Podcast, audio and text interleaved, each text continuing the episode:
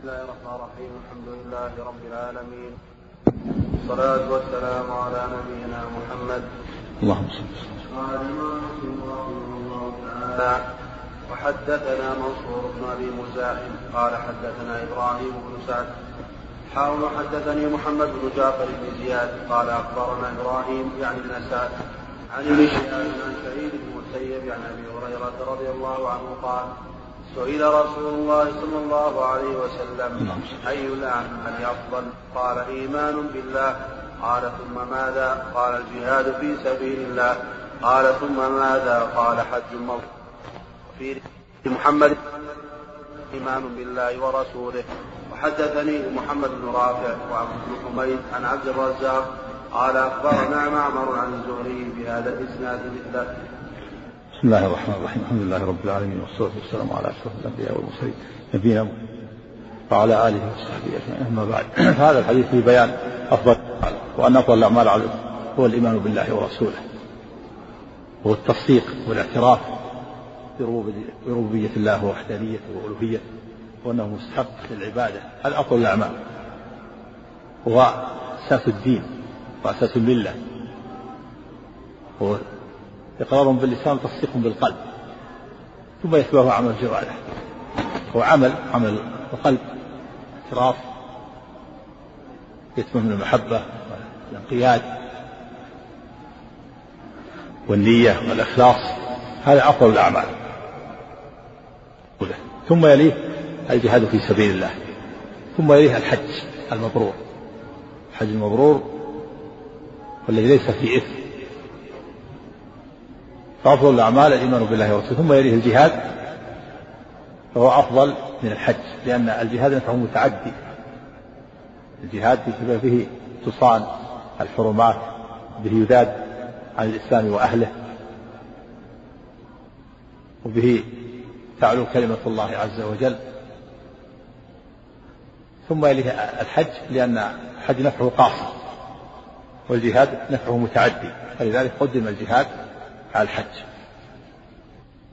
نعم.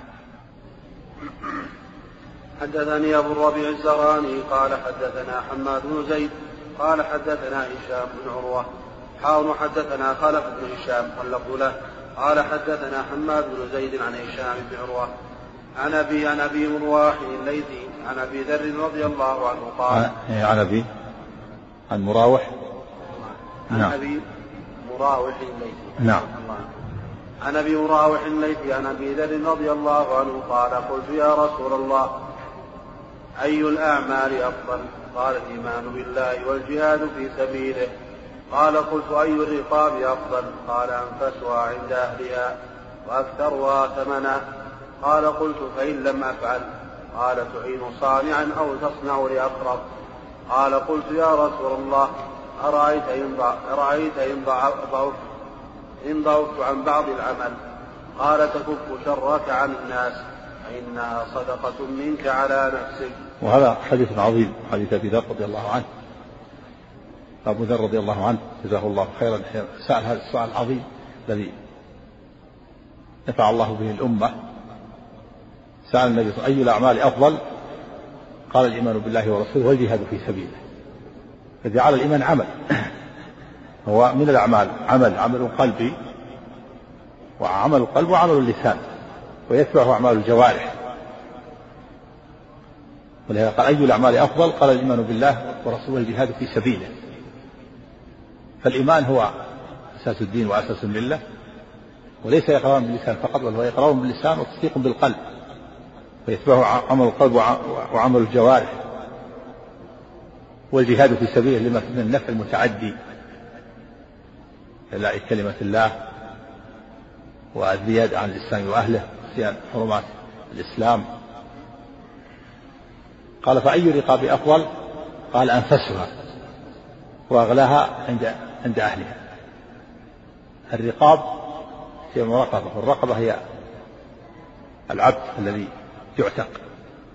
قالوا له رقبة كما قال الله سبحانه وتعالى فلا اقتحم العقبة وما أدرك ما العقبة فك رقبة. يقتحم بها الإنسان يقتحم العقبة وهي النار بهذه الأعمال الصالحة. فك رقبة يفك رقبة يعني يعتقها في سبيل الله يعتقها من الرق. أو إطعام في يوم ذي مسغبة. إطعام في يوم في يوم الجوع. المسغبة الجوع. يطعم يتيما قريب أو مسكين. قد لصق بالتراب من شدة فقره. يتيما ذا مقربة أو مسكين ثم كان من الذين آمنوا. أيضا لابد من هذا لابد هو هذا هو أصل الدين وأساس الملة. فيقتحم الإنسان النار بهذا. هو الإيمان بالله ورسوله لابد منه. هذا هو الأصل. ولهذا قال ثم كان من الذين آمنوا. ثم يفك الرقبة ويطعم في يوم الجوع اليتيم القريب أو المسكين. ولا بد أن أن يكون من المؤمنين. ولا بد أن يكون ذا صبر ورحمة وتواصل بالصبر وتواصل بالمرحمة هنا قال سأله أبو ذر في هذا الحديث أي الرقاب أفضل؟ قال أفضلها أنفسها وأغلاها عند أهلها. فهذا أفضل ما يعتق من الرقاب. كل ما كان الرقبة نفيسة وثمنها كثير كل ما كانت أفضل. وكذلك الأضحية. الأضحية وغيرها أفضلها أنفسها وأغلاها عند أهلها. أفضلها عند أهلها قال فإن لم أفعل يعني ما أعتق رقبة ماذا يفعل؟ قال تعين صانعا أو تصنع لأخلاق. تعين الصانع صاحب الصنعة صاحب العمل تعينه ولو كان صاحب عمل. وتعاون على البر والتقوى ولا تعاون على الإثم تعينه تساعد. صاحب المهنة. هو الصانع صاحب المهنة. أي مهنة كانت؟ تجارة أو حدادة أو خرازة أو خياطة. رحمه الله. أو تصنع لأخرق. الأخرق هو الذي ليس بصانع ولا يحسن الصناعة. قالوا له أخرق. ما ما يعرف شيء. لا يصنع ولا ولا يعرف الصنعة تعين تعين صانعا أو تصنع لأخرق. تساعده وجدت إنسان ما ما يعرف. مثلا وجدت إنسان سيارته وقفت. ولا يعرف شيء. ما يعرف إلا يقود السيارة لكن ما عنده بصيرة. ما يعرف مثلا إذا يركب الإطار مثلا ولا يعرف مثلا إذا شيء من قد يكون سبب شيء يسير. وأن تعرف تعين هذا الأحرق تساعده تعينه في إصلاح سيارته في إصلاح الإطار. تشغلها له هذا هذا تصنع لأحرق وإذا كان يعرف وعنده بصيرة تساعده تعينه. هذا مثال لهذا ولهذا. إذا كان يكون عنده بصيرة لكن يحتاج إلى بعض الوقت فأنت ساعدته تساعده. والأول ليس عنده بصيرة ما يعرف شيء أبدا إذا لم يأتي أحد جلس ما عنده بصيرة هذا أخر. تعين صانع الذي عنده بصيرة ومعرفة بهذا المهنة تساعده. والذي ليس عنده مهنة لا يعرف تصنع له يعني تعين. تعينه على هذا الشيء يعني تفعل له هذا الشيء. الذي لا يحسن تفعل له الشيء. والذي يحسن تعينه. تكون تكونا جميعا تعملان هذا الشيء. هو يعمل وأنت تعينه. والأول ما عنده بصيرة ما يعرف أبدا لا يعرف شيئا. قال فإن لم أفعل قال تكف الشر. عن الناس. فإن صدقة منك على نفسك. هذه درجات. أفضل الأعمال الإيمان بالله ورسوله جهل في سبيله. قال أي الرقاب أفضل؟ قال أفضلها أنفسها وأغلاها عند أهلها. إذا لم يعتق الرقبة قال تعين صانعا أو تصنع لأخرق قال فإن ضعفت عن ذلك قال تكف عن الناس شرك فإنها صدقة منك على نفسك. حينما تكف الأذى والشر عن الناس فلا يأتيهم منك أذى لا بالقول ولا بالفعل. صدقة صدقت بها عن نفسك حيث لم تحملها الآثام والأوزار. لأنك إذا آذيت الناس في بقول أو بفعل حملتها الآثار الآزار الأوزار والآثام. فإذا كففت نفسك عن أذية الناس بالقول والفعل تصدقت على نفسك حيث لم تحملها الأوزار والآثام. نعم اقرأ الحديث. نعم. عن أبي ذر رضي الله عنه قال قلت يا رسول الله أي الأعمال أفضل؟ قال الإيمان بالله والجهاد في سبيله. قال قلت أي الرقاب أفضل؟ قال أنفسها عند أهلها وأكثرها ثمنا قال قلت فإن لم أفعل قال تعين صانعا أو تصنع لأقرب قال قلت يا رسول الله أرأيت إن ضعفت إن ضعفت عن بعض العمل؟ قال تكف شرك عن الناس فإنها صدقة منك على نفسك. نعم. حديث عظيم. نعم.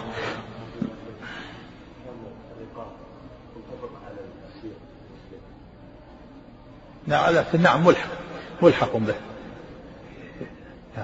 الرقبة يفكها من من الرق يعني يشتري رقبة ويعتقها أو يساعد العبد الذي اشترى نفسه من سيده مكاتب أو يفك مأسور من المسلمين عند عند الكفار يخلصه بمال يدفعه ما ملحق به. فك فك الأسرى كما أنه في الزكاة يدخل في قوله تعالى وفي الرقاب.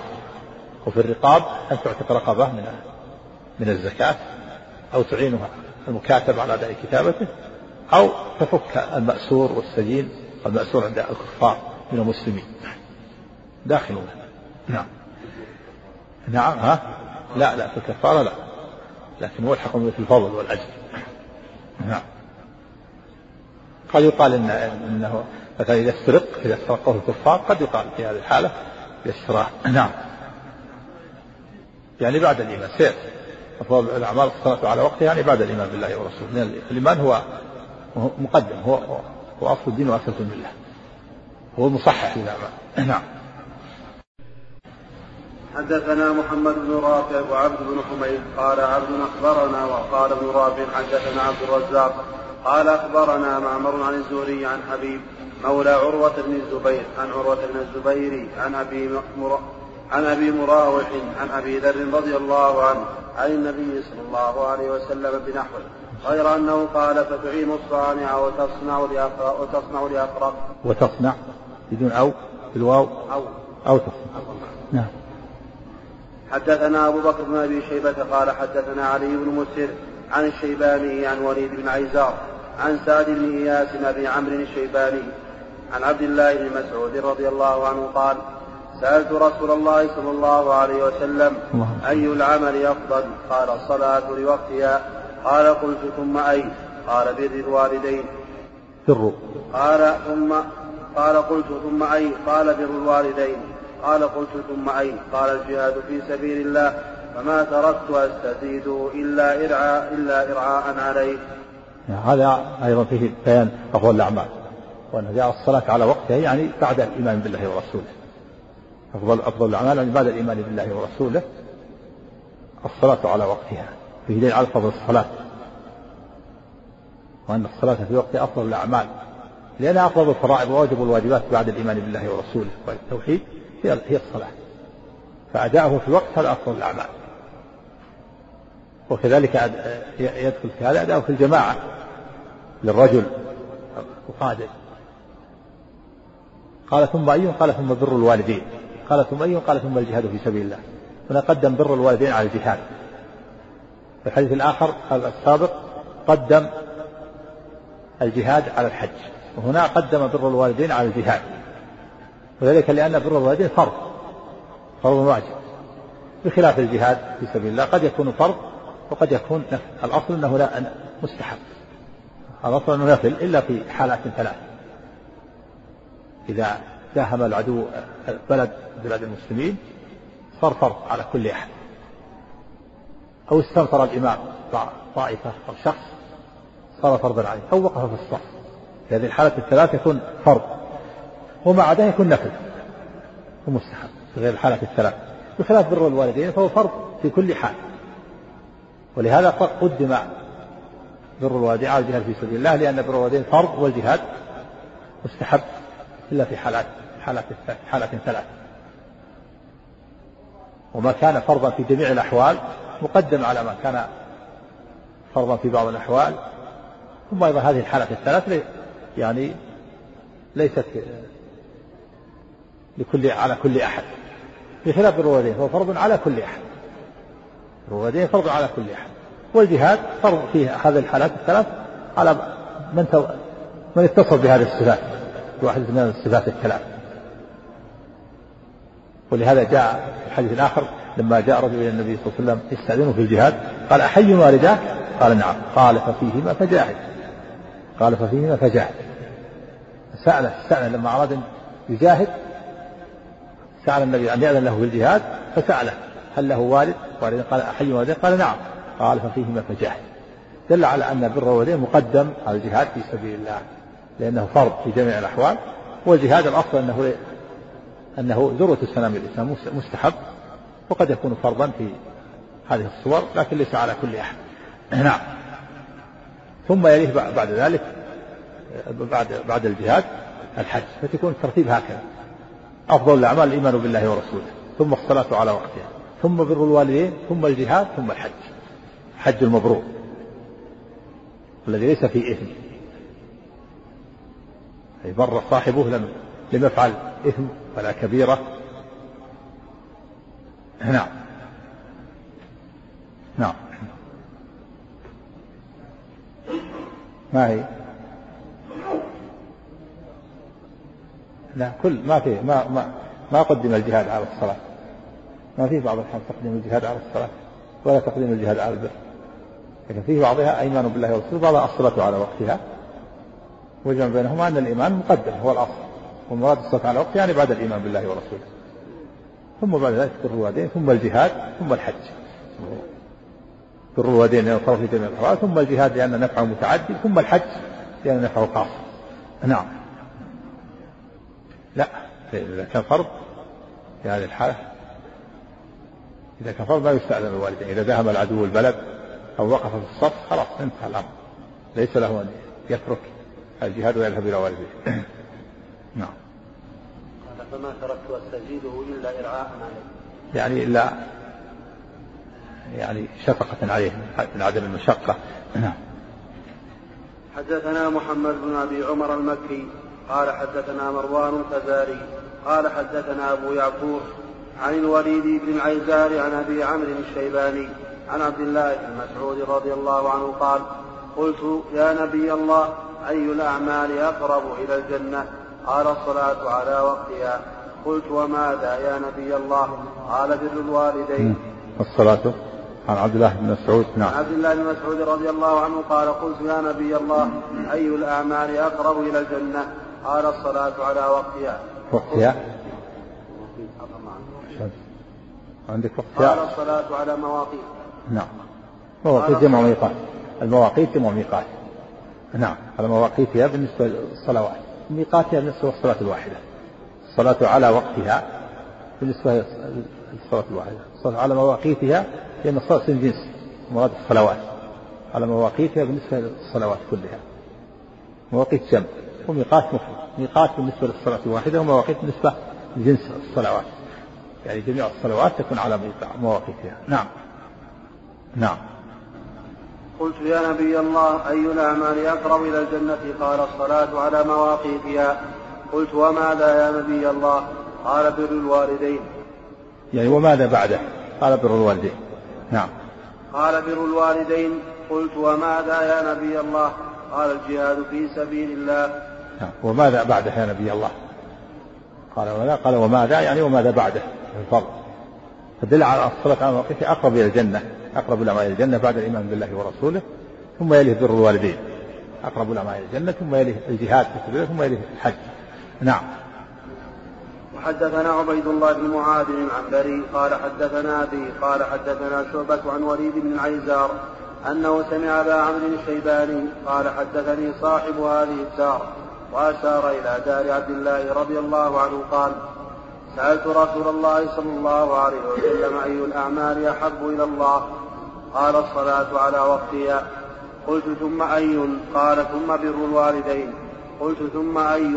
قال ثم الجهاد في سبيل الله. قال حدثني بهن ولو استزدته لزادني. حدثنا محمد بن بشار قال حدثنا محمد بن جعفر قال حدثنا شعبة في هذا الإسناد مثله وزاد وأشار إلى دار عبد الله وما سماه لنا. حدثنا يعني عبد الله بن مسعود نعم. حدثنا عثمان بن أبي شيبة قال حدثنا جرير عن الحسن بن عبيد الله عن أبي عمرو الشيباني عن عبد الله رضي الله عنه عن النبي صلى الله عليه وسلم. قال أفضل الأعمال أو العمل الصلاة لوقتها وبر الوالدين. أفضل الأعمال؟ أفضل الأعمال أو العمل نعم. الصلاة لوقتها وبر الوالدين. يعني هذا في بالواو جمع بينه بالواو. والواو لا تقصد الترتيب ولكن العمدة على الحديث السابقة هي الترتيب. نعم. حدثنا عثمان بن أبي شيبة واسحاق وإسحاق بن إبراهيم قال إسحاق أخبرنا جرير وقال عثمان حدثنا جرير عن منصور عن أبي وائل عن عمرو بن شرحبيل عن عبد الله رضي الله عنه قال سألت رسول الله صلى الله عليه وسلم الله. أي الذنب أعظم أي الذنب أعظم عند الله؟ قال أن تجعل لله ندا وهو خلقك قال قلت له إن ذلك لعظيم قال قلت ثم أي قال ثم أن تقتل ولدك مخافة أن يطعم معك. قال قلت ثم أي قال ثم أن تزاني حليلة جارك. وهذا فيه بيان أيضا عظم الذنب تفاضل الذنوب وأنها تتفاضل. الحديث السابق فيه بيان تفاضل الأعمال ترتيب الأعمال الصالحة وأن أفضل الإيمان بالله ورسوله ثم الصلاة ثم بر الوالدين ثم الجهاد ثم الحج. وهنا في هذا الحديث بيان أي, أي الذنب أعظم. هناك أي العمل أفضل وهنا أي الذنب أعظم. أعظم الذنوب وأن الذنوب تتفاضل الأعمال الصالحة تتفاضل بعضها فوق بعض والذنوب والمعاصي تتفاضل بعضها أشد من بعض وهي مرتبة أيضا. كما أن الأعمال الصالحة مرتبة كما سبق أفضلها الإيمان بالله ورسوله ثم الصلاة على وقتها ثم بر الوالدين ثم الجهاد ثم الحج. كذلك الذنوب. أعظمها الشرك بالله عز وجل. وهو, وهو ضد الإيمان بالله ورسوله. أفضل الأعمال الإيمان بالله ورسوله. وأكبر الذنوب والمعاصي الشرك بالله. أفضل الأعمال الإيمان. وأعظم المعاصي والكبائر الشرك.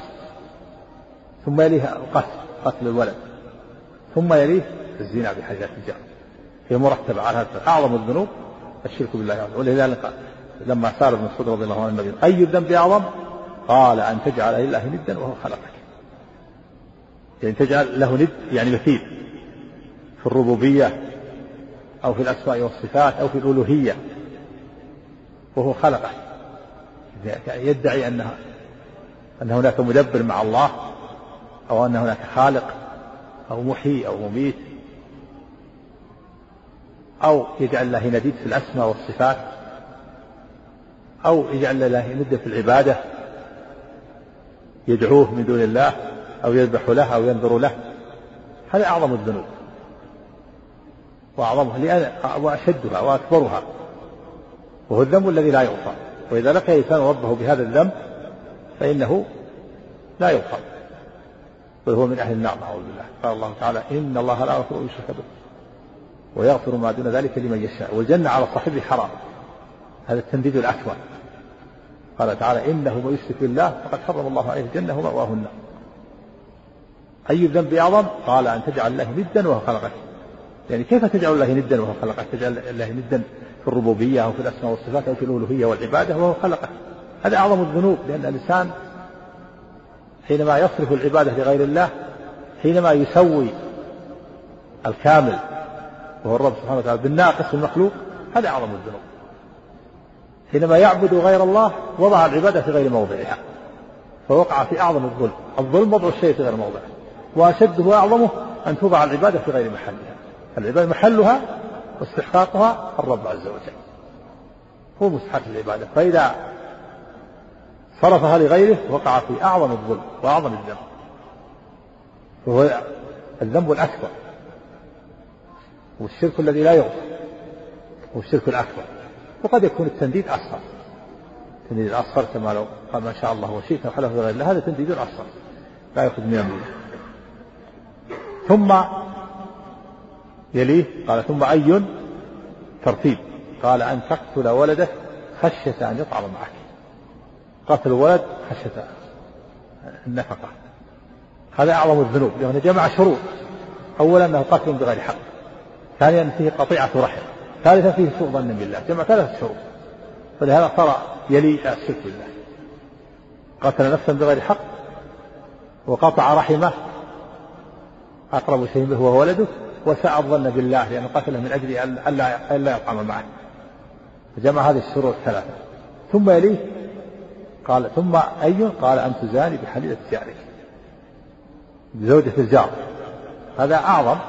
الذنوب لأنه جمع شرين. الشر الأول الزنا والشر الثاني إيذاء الجار وإلحاق الضرر به. وجاء في الحديث الآخر لأن يزني الإنسان بعشر نسوة أيسر له من أن يزني بحليلة جاره ولأن يسرق من عشرة بيوت أيسر له من أن يسرق من بيت جاره. لأن الجار له حق عظيم. أن يحسن إليه وأن يكف الأذى عنه. فالزنا في حياة الجار أو السرقة من بيت الجار ذنبه مضاعف لما فيه من إيذاء الجار وقد أمر بالإحسان إليه. فهذه الذنوب مرتبة. عليكم السلام. الشرك بالله هذا أعظم الذنوب ثم يليه قتل الولد خشية أن معه ثم يليه الزنا بحرية الجار. كما أن الأعمال الصالحة مرتبة كما سبق أفضلها الإيمان بالله ورسوله ثم الصلاة على وقتها ثم بر الوالدين ثم الجهاد ثم الحج. وكذلك هذه المعاصي والكبائر مرتبة. أعظمها أعظم الذنوب الشرك بالله. ثم قاتل الولد خشية لا يطعم معه ثم الزنا بحيث الجار وفي اللفظ الآخر قال ثم أنزل الله تصديق ذلك في كتابه فأنزل الله والذين لا يدعون مع الله إلها آخر ولا يقتلون النفس التي حرم الله إلا بالحق ولا يزنون. ومن يفعل ذلك يلقى أثاما يضاعف له العذاب يوم القيامة ويأخذ فيه مهانا إلا من تاب نعم. زوجة زوجة زوجة الجار بس بلى كذلك لكن المقصود الزوجة. هذا مثلها نعم. حدثنا عثمان بن أبي شيبة وإسحاق بن إبراهيم جميعا عن جرير قال عثمان حدثنا جرير عن الأعمش عن أبي وائل عن عمرو بن شرحبيل قال قال عبد الله رضي الله عنه قال رجل يا رسول الله أي الذنب أكبر عند الله؟ قال أن تدعو لله ندا وهو خلقك. قال ثم أي؟ قال أن تقتل ولدك مخافة أن يطعم معك. قال ثم أي؟ قال أن تزاني حليلة جارك. فأنزل الله عز وجل تصديقها والذين لا يدعون مع الله إلها آخر. ولا يقتلون النفس التي حرم الله إلا بالحق ولا يزنون. أن تدعو لله. تكلم عن الشرع أن تدعو لله. اللفظة لفظة أن تدعو لله. الأول أن تجعل الله ندا وهنا أن تدعو. يحتمل أن تدعو الله ندا يعني يدعو غير الله أو بمعنى تدعو بمعنى تجعل. يكون كالحديث السابق. ها؟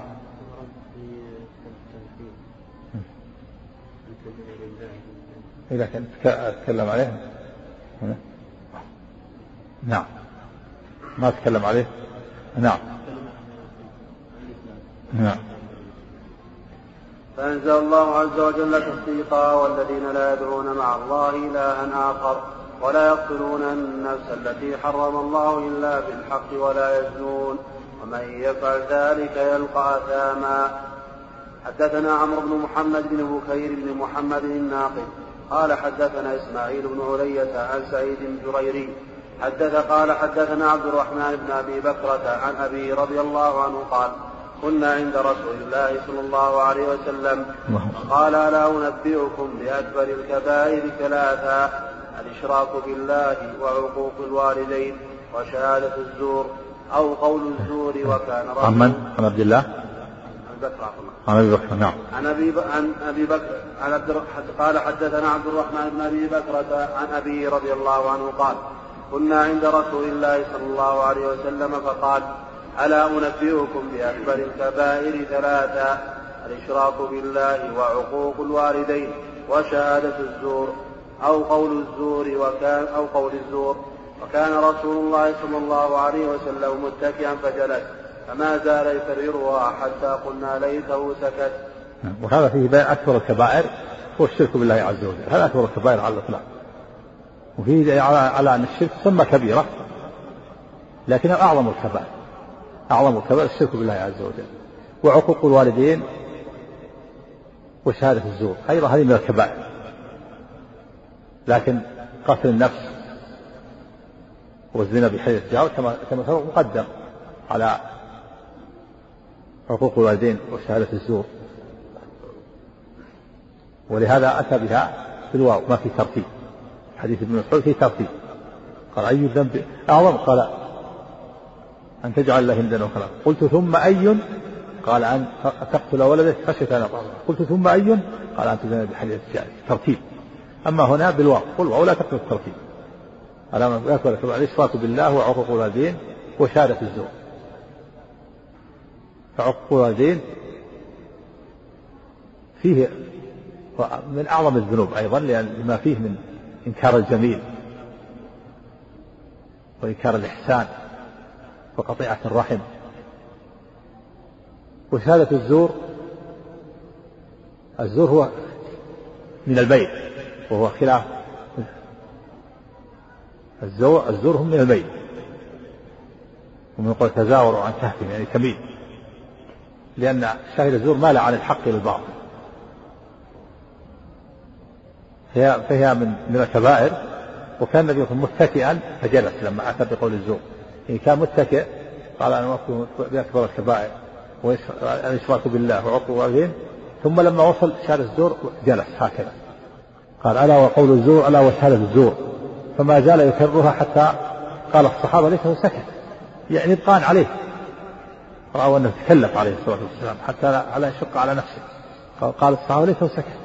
من من تكراره. ألا وشهادة الزور ألا وشهادة الزور. فما زال يكررها حتى قال وسلم سكت. شفقة عليه. عليه الصلاة والسلام.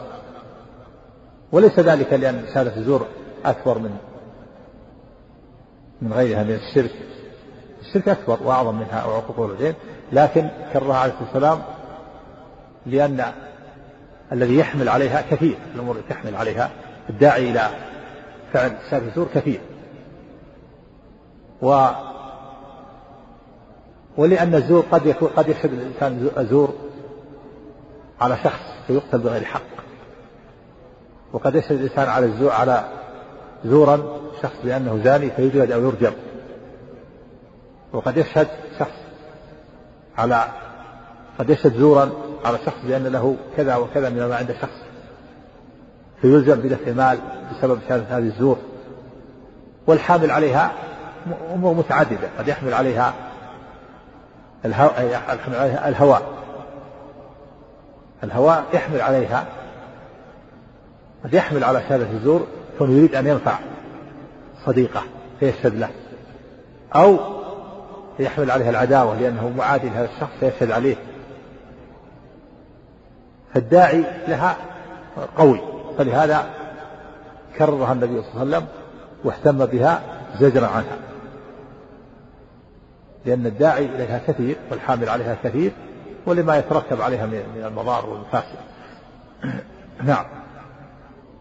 نعم ويتساهلون لأن الحامل عليها كثير. الحامل عليها الهواء يحمل عليها أمور متعددة. قد يريد أن ينفع صاحبه فيشهد له. أو يريد أن يضر عدوه فيشهد عليه. وهذا تدل على ضعف الإيمان ونقص الإيمان. وهذا هو وجه إدخال هذه الأحاديث في كتاب الإيمان. المؤلف أن من فعل كبيرة نقص إيمانه. الشرك إذا فعله انتهى الإيمان. خرج من الإيمان. الشرك الأكبر. والكبائر تنقص الإيمان. قتل الولد والزنا وشهادة الزور قول الزور وعقوق هذه كل هذه معاصي. تنقص الإيمان وتضعف الإيمان. من فعل الكبائر ضعف إيمان. وفي دليل على الإيمان يزيد وينقص. فالمؤمن الذي يؤدي الواجبات وينكر عن المحارم هذا إيمانه كامل. والمؤمن الذي يفعل الكبائر والمعاصي هذا إيمان ناقص وضعيف. فالإيمان يتفاوت يزيد وينقص ويقوى ويضعف. نعم. العمل بالزور يقول الزور أو يعمل الزور؟ حينما يتكلم بالكذب وبالباطل هذا قال الزور. وكذلك يعمل الزور الإثم. كل إثم هو زور. نعم. من الكذب وخيانة كل هذا من الزور من عمل الزور. نعم. تزوير الأوراق وما نعم داخل.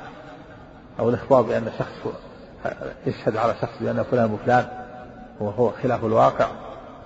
ويزور يشهد عليه بأنه بأنه من القبيلة الفلانية وليس من القبيلة الفلانية ويشهد على هذه المرأة بأنها مطلقة أو غير مطلقة أو لها زوج وليس لها زوج. كل هذا من الباطل كل هذا داخل في شهادة الزور أو يغير اسمه ويخبر باسم مستعار. هذا كله من الزور نعم. أكبر كبائر الشرك بالله. هذا ينتهي الإيمان إذا فعل الشرك الأكبر. والكبائر تنقص الإيمان وتضعف الإيمان. والصغائر إذا اجتنب الكبائر وأدى الفرائض تكفر. تكفر الصغائر. إذا فعل الإنسان أدى الفرائض وانتهى عن الكبائر كفر الله عنه الصغائر. بفعله الفرائض وانتهى عن الكبائر. كما قال سبحانه إن تجتنبوا كبائر ما تنهون عنه نكفر عنكم السيئات مع الصغائر.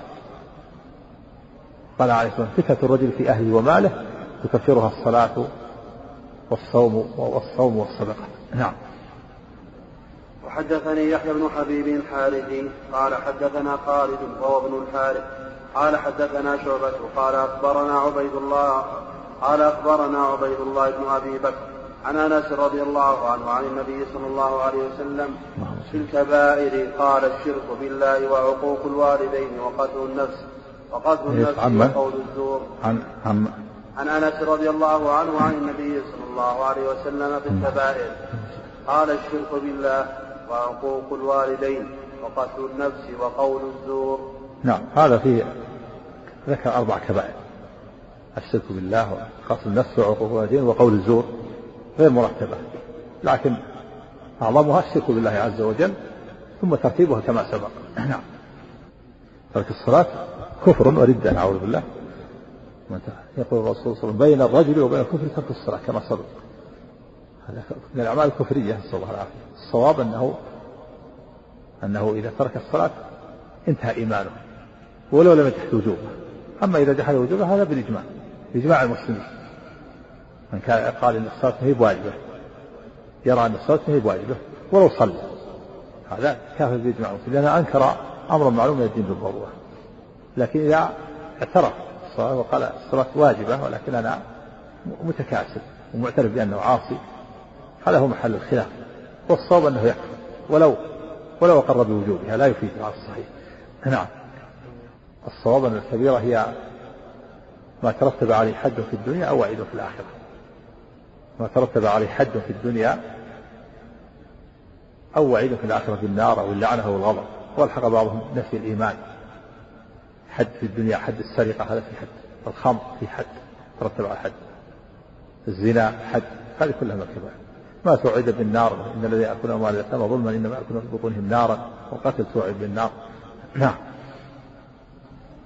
وحدثنا محمد وحدثنا محمد بن وليد بن عبد الحميد قال حدثنا محمد بن جعفر قال حدثنا شعبة قال حدثني عبيد الله بن أبي بكر قال سمعت أنس بن مالك رضي الله عنه قال ذكر رسول الله صلى الله عليه وسلم كبائر أو سئل عن الكبائر فقال الشرك بالله وقتل النفس وعقوق الوالدين وقال ألا أنبئكم بأكبر الكبائر قال قول الزور أو, قو أو قال شهادة الزور قال شعبة وأكبر ظني أنه شهادة الزور. هذه كلها من الكبائر كما سبق لكن أكبرها على الإطلاق هو الشرك بالله. وأما قوله أكبر الكبائر قول الزور يعني من أكبر الكبائر. من أكبر الكبائر وليس المراد حال التفضيل على بابه بل أكبر الكبائر هو هو الشرك. تكلم عن النووي على قوله أكبر الكبائر قول الزور يعني من أكبر على تقدير من من أكبر الكبائر. وإلا فأكثرها على الإطلاق والشرك بالله. نعم. وأما قوله صلى الله عليه وسلم لا أنبئكم بأكثر الكبائر قول الزور أو شهادة الزور. فليس على ظاهره المتبادر إلى الأذهان منه. وذلك لأن الشرك أكبر منه بلا شك. وكذا القتل. فلا بد من تأويله. وفي تأويله ثلاثة أوجه أحدها أنه محمول على الكفر. فإن الكافر شاهد بالزور وعامل به. والثاني أنه محمول على المستحل فيصير بذلك كافرا والثالث أن المراد من أكبر الكبائر كما قدمناه في هذا الصواب الصواب الثاني. هذا هو الصواب أما وهذا الثالث هو الظاهر أو نعم هو الصواب إن شاء الله الصواب أنه على تقدير من, من أكبر الكبائر أما يقول بأنه بأن المشرك شاهد بالزور هذا بعيد. وكذلك أيضا تأويل على المستحل هذا معروف المستحل المستحل هذا في كل ليس خاصا بهذا. من استحل أمرا معلوم من الدين بالضرورة هذا كفر. ليس خاصا بشهادة الزور عقوق الوالدين قطيعة الرحم الربا. من استحل استحل كفر الصواب أن أن يقال على تقدير من يعني من أكبر الكبائر. نعم. النووي نعم. نعم. حدثني هارون بن سعيد الأيلي. نعم. يشهد يشهد عليه هو هو ما حضره؟ كيف يشهد ما يعرف؟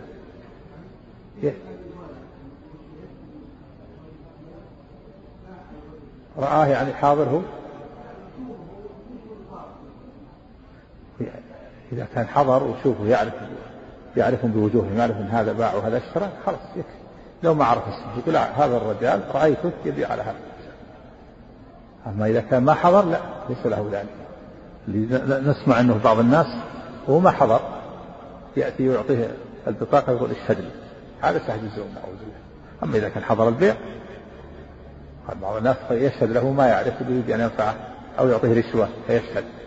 هذا شاهد الزور أما كون حضر البيع ورآه بس ما يعرف اسمائهم ما يضر. لكن يعرف أشخاصهم. يرى هذا الرجال باع على هذه السلعه هذا الرجل وما يعرف اسمه يمشون جميعا إلى المحكمة ويشهد له مثلا. لا لا ما يصل ولو واحد. ولو في المئة في المئة. إذا ما حضر لا يشهد ولهذا الرسول عليه الصلاة والسلام لما اشترى فرسا. من أعرابي هذا خاص بالرسول عليه الصلاة والسلام. لما اشترى فرسا من أعرابي ثم تقدم النبي صلى الله عليه وسلم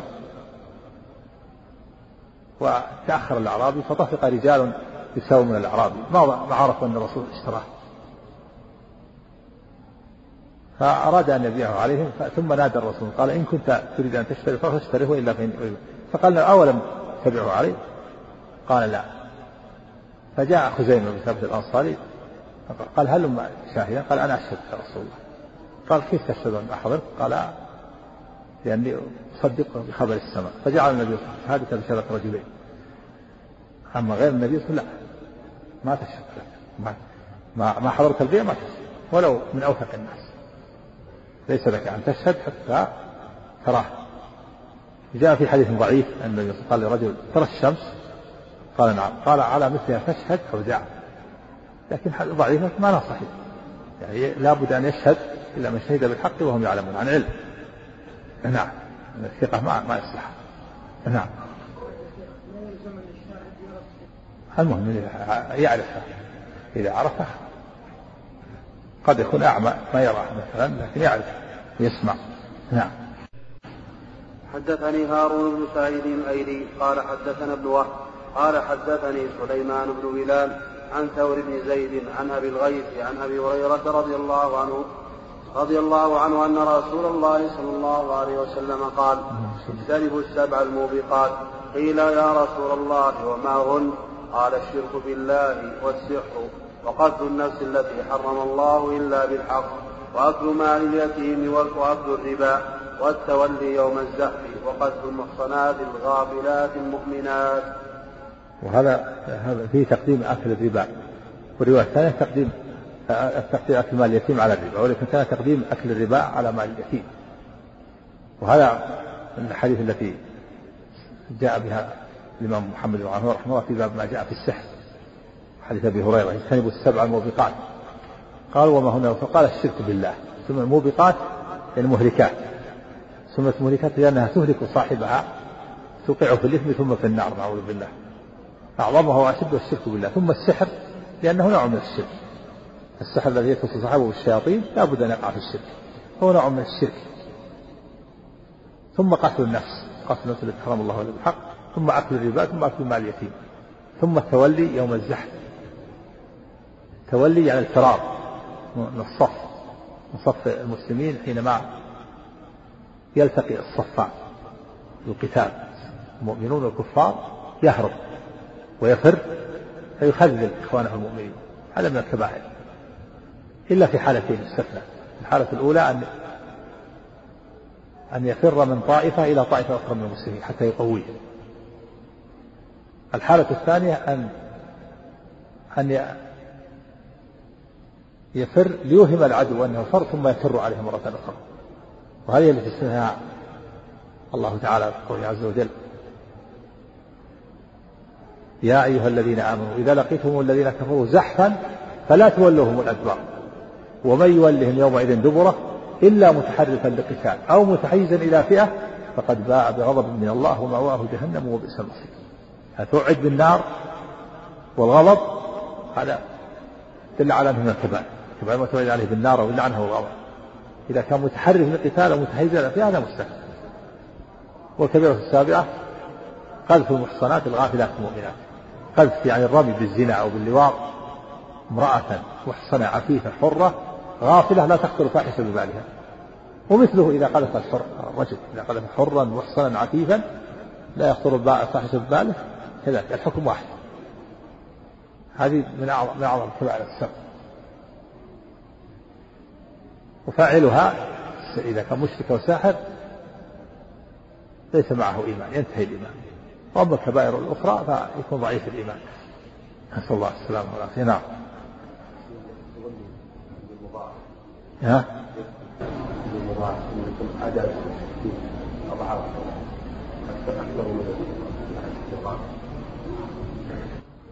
هذا كما قال الله تعالى في سورة الأنفال.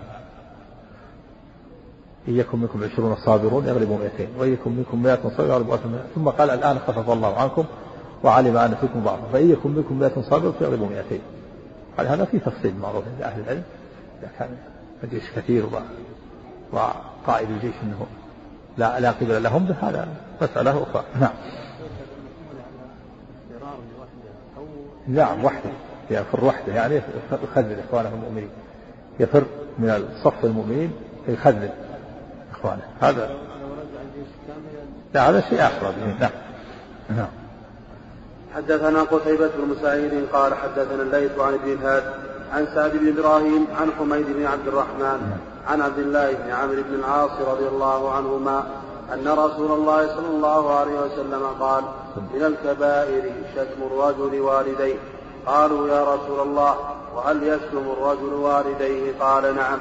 يسب أبا الرجل فيسب أباه ويسب أمه فيسب أمه وهذا فيه دليل على أن هذا من أعظم العقوق شتم الرجل والديه وصاحبه ضعيف الإيمان ولهذا أدخله المؤلف في كتاب الإيمان لأنه إيمانه ضعيف من الكبائر شتم الرجل والديه قيل رسول الله هل يشتم الرجل والديه؟ يعني استغربوا كيف يمكن هذا؟ وهل يحصل هذا؟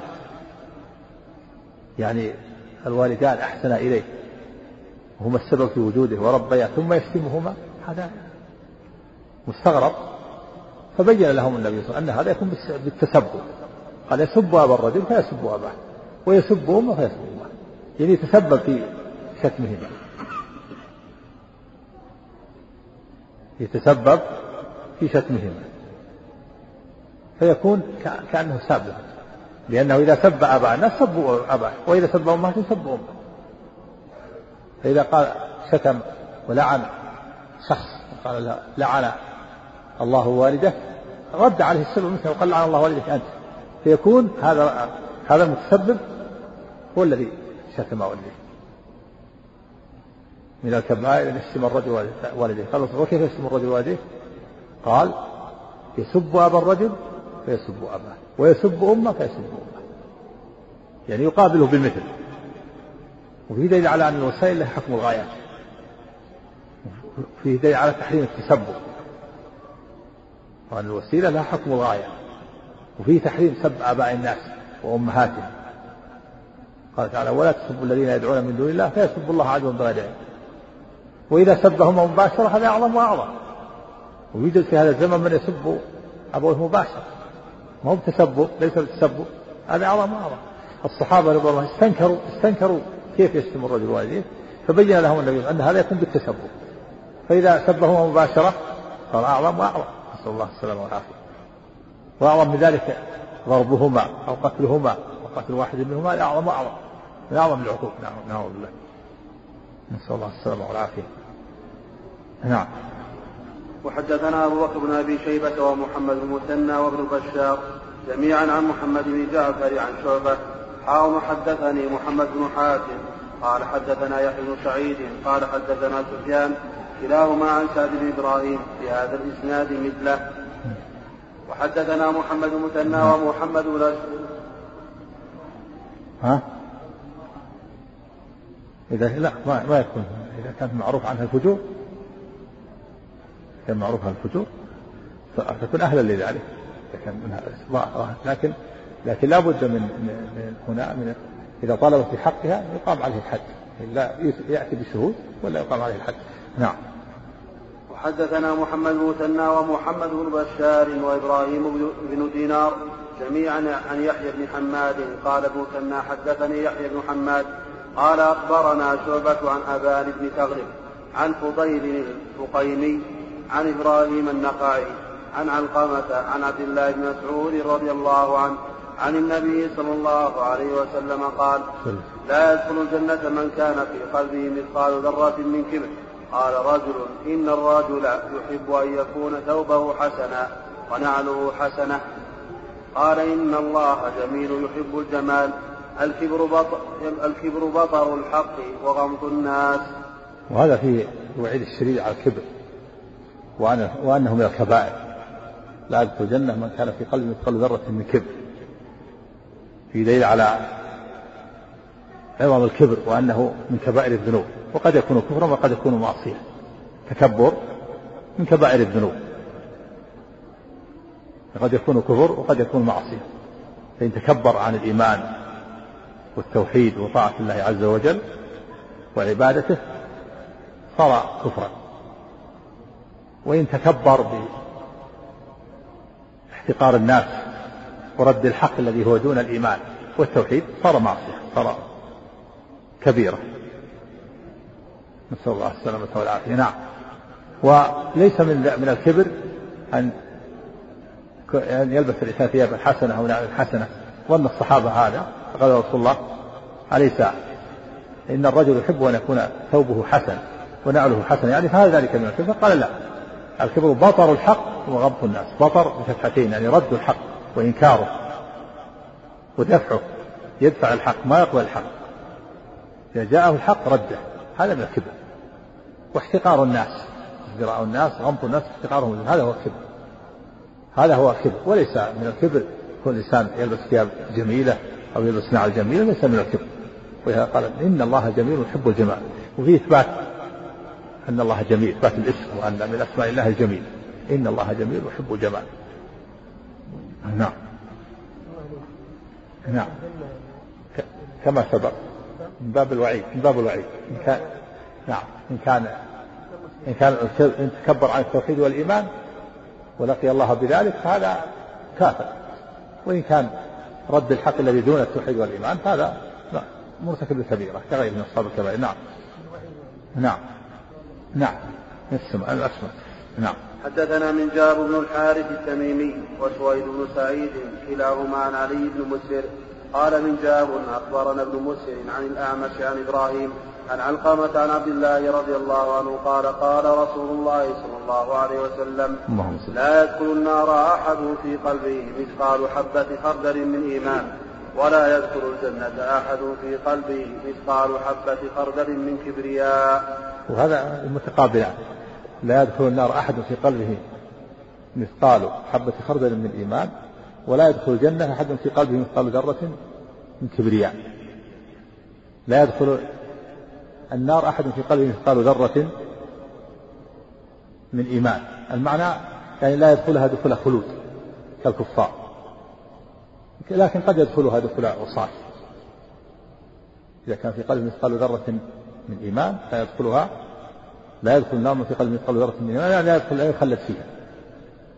ولكن إذا كان مات على كبائر يبقى معه شيء من الإيمان يبقى مثقال الحبة أو أكثر وهو معرض لدخول النار قد يدخل النار وقد يعفى عنه لكن لا يدخلها دخول خلود ككفار يخلد فيها لكن يدخلها دخول العصاة. وهذا في دليل على أن الإيمان يزيد وينقص. ولهذا ينقص الإيمان حتى يكون مثقال حبة من خردل. ولا ينتهي الإيمان بالمعاصي ولو عظمت لكن ينتهي إذا جاء الكفر الأكبر والشرك الأكبر ولا يدخل النار ولا يدخل الجنة من في من كان في قلبه مثقال ذرة من كبرياء. على التفصيل السابق. إن كان هذا الكبر تكبر عن التوحيد والإيمان فهذا لا يدخلها أبدا. وإن كان الكبر دون التوحيد والإيمان فهذا من باب الوعيد. يكون كبيرا من كبائر الذنوب. نعم.